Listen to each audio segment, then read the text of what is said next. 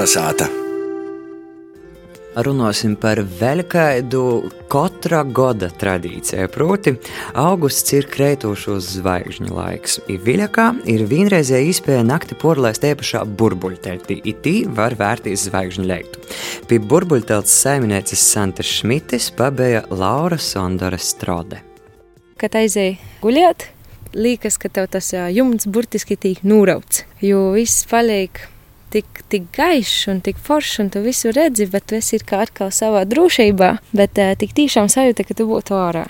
Stosta Santa Šmita. Ja jau otru gadu ir naparastos naktsmītnis miljonu stāru hotela, aba miljonu zvaigžņu vīsnieces saimniece Viļakas novada Susoju pogastā. Īdija radusies pavisam tēri aizziņkorēbas. Norvēģijā ir tādas mojiņas, kā iglos teiktu, arī ar tādu kā spīdēgu jumtu, caurspīdēgu, un tad var zīmeļblozmas vērot. Un man tī, tī ideja ļoti patika, un tad es sāku meklēt visādas alternatīvas iespējas. Man ļoti patika šī doma, ka uh, tas ir uh, burbulis, kas ir pīpūšams un uh, cik viegli uzliekams, tik viegli noņemams. Un tad jau sāku interesēties, kā, kā tas būtu praktiski. Izrāda, ka uh, Latvijā ir tikai viena tāda vieta, kas ir Līpojā. Un tad uh, ir uh, jūrmalā, beja, uh, jo mēs no tā īpašnieka arī iegādājāmies visu Mūsu burbuļi. Un atvedat uz Latgali. Un atvedam uz Latgali, jā. Un tagad mums ir abos Latvijas galos sākumā un beigās pa burbuļam. Kad iz Latgulu atvestu burbuļu telti, Santa Dasa dalījās Viļakas novada jaunu uzņēmēju konkursā. Izējām daļu no vajadzīgo finansējuma. Turpināja Viļakas novada dūmas priekšsēdētājs Sergejs Maksimovs. Mēs atbalstam uzņēmējus jau, jau pīci gadi, mums ir šī notiek šī mazi projekti. Jā, un tas ir pirmīs solis arī šiem uzņēmumam. Tad, nu, ja tagad e, apsaprecējās, jā, un arī savu jau dzīves biedru izsaistē uzšumus e, turisma aktivitātēs. Viņam arī ir ne tikai miljonu stāru hoteli, bet viņam arī supi. Un tagad arī at, e, ir atbalstīts arī partnerības projekts. Šis ir viens no veiksmīgiem stāstiem, kad jaunieši atgriežas, ir bijusi daudz ārzemēs, ir izgojusi arī šo purdošanas skolu Amerikā. Entuziasms kopā ar jaunības maksimālismu jūrzemēs dabūtu rūdījumu mudino Santu Šmiti atgriezties dzimtajā pusē. Īpi tam, kā pašas mējās, vēra apsaimniekotu zemi jau leidzeni, kur napaimsi. Bijis jodomāju, ko Viļakas pusē darīt. Arī te, ja runāju par Latviju, kāpēc ne citur? Nu, viens jau, protams, ka tu zemi nekur neizvesi. Bet nu, otrs īstenībā tas, ka citur jau tādu pilsētā spītīgi.